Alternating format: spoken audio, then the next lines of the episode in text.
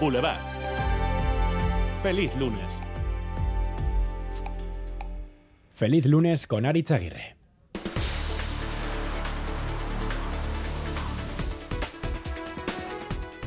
Feliz lunes de chistes malos para combatir el mal humor de inicio de semana. Y es que Matías Prats lo ha vuelto a hacer sobre una hamburguesa de Urense que hay que comer con guantes. Su tamaño y composición pueden intimidar, pero siempre hay quien recoge el guante. Chistes sin gracia que a algunos les da la risa. También sobre Elvis de Guillena, Sevilla, un policía local. Que soy poli de día y Elvis de noche, ¿verdad? Como si no tuviéramos bastante con Elvis Costello, ahora Elvis de Guillena, que mientras te pone una multa te hace de Elvis. Give me one more chance to keep you satisfied. Ya verás la gracia que te hace, pues la misma que te genera Matías Prats sobre Elvis. Hay que ver lo bien que le queda el traje de policía. Quédate con quien te ría las gracias como le hacen a Matías Prats. El caso es que al malo de Matías le han salido grandes competidores donde menos lo esperaba, en la terraza de Radio Euskadi con Íñigo Lejarza. En el cole de mis hijos prometen un ordenador por cada niño. Me parece un cambio justo.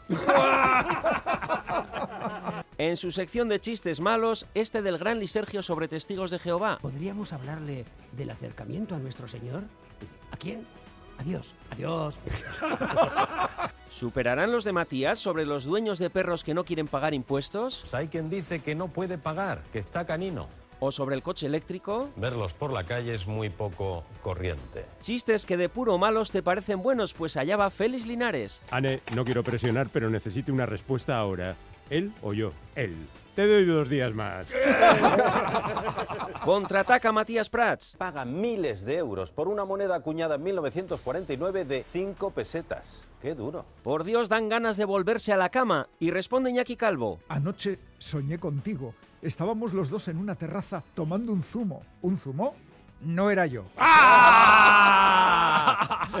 Son los cuatro mosqueperros del chiste, Lejarza, Linares, Calvo y Lisergio, que ahora en la sección los cuentan ellos, pues hablando de chistes malos de barra... De usted 5 litros de vino de Jerez. Y el caballero, ¿y el envase?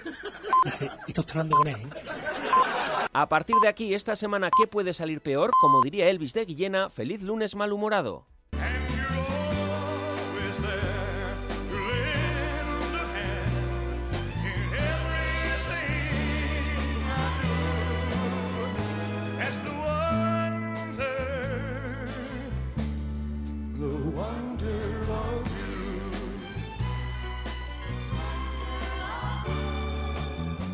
And when you smile, the world is brighter.